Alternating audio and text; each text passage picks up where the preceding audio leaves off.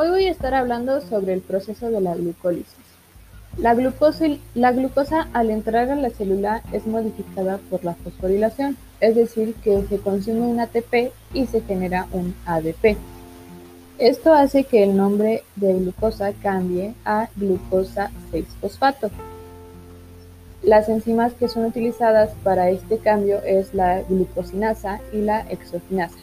La glucosinasa se encarga de los hepatocitos y células betas del páncreas, mientras que la exoquinasa se encarga de todas las células menos de, la, de las que se encarga la glucosinasa. Una vez que sucede la primera reacción, la siguiente es que pasa de glucosa 6-fosfato a fructuosa 6-fosfato. Esta reacción es gracias a la enzima llamada isomerasa. La siguiente reacción es que pasa de fructuosa 6-fosfato a fructuosa 1,6-bifosfato. La enzima que lo genera se llama fosfofructoquinasa 1, que sucede nuevamente, aquí sucede nuevamente la fosforilación, que consume un ATP y genera un ADP. Después se divide en dos, después es, la siguiente reacción hace que se divida en dos la triosa fosfato, que es dada por la, gracias a la enzima llamada aldolasa. En este punto se van a dividir en dos partes. La primera parte se va a dividir en dihidroxiacetona fosfato, mientras que del otro lado se va a llamar gliceraldehído 3-fosfato. La primera parte que se dividió va a pasar a gliceraldehído 3-fosfato, gracias a la enzima llamada isomerasa.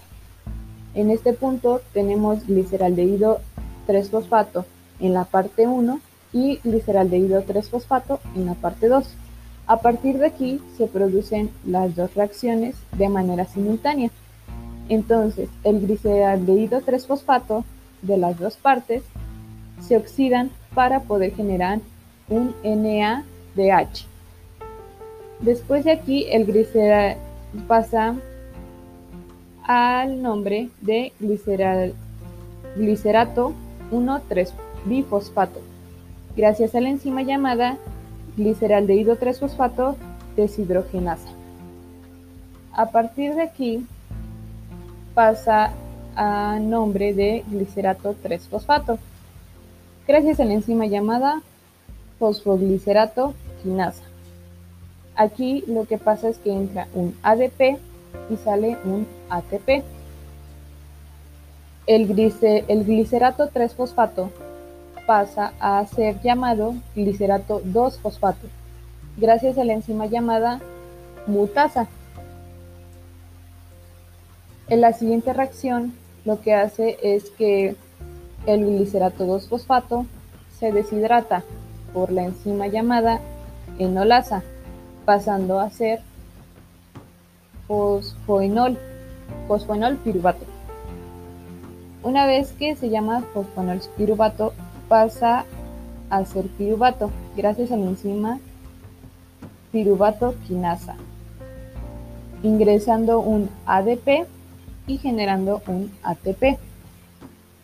Si el piruvato, a partir de aquí, si el piruvato se oxida, entra a la mitocondria y luego al ciclo de Krebs. Si no es así, anaeróbicamente se se fermenta el piruvato y se convierte en ácido láctico. La ganancia neta de todo este proceso en, en sí son 2 ATP, 2 NADH y 2 piruvatos.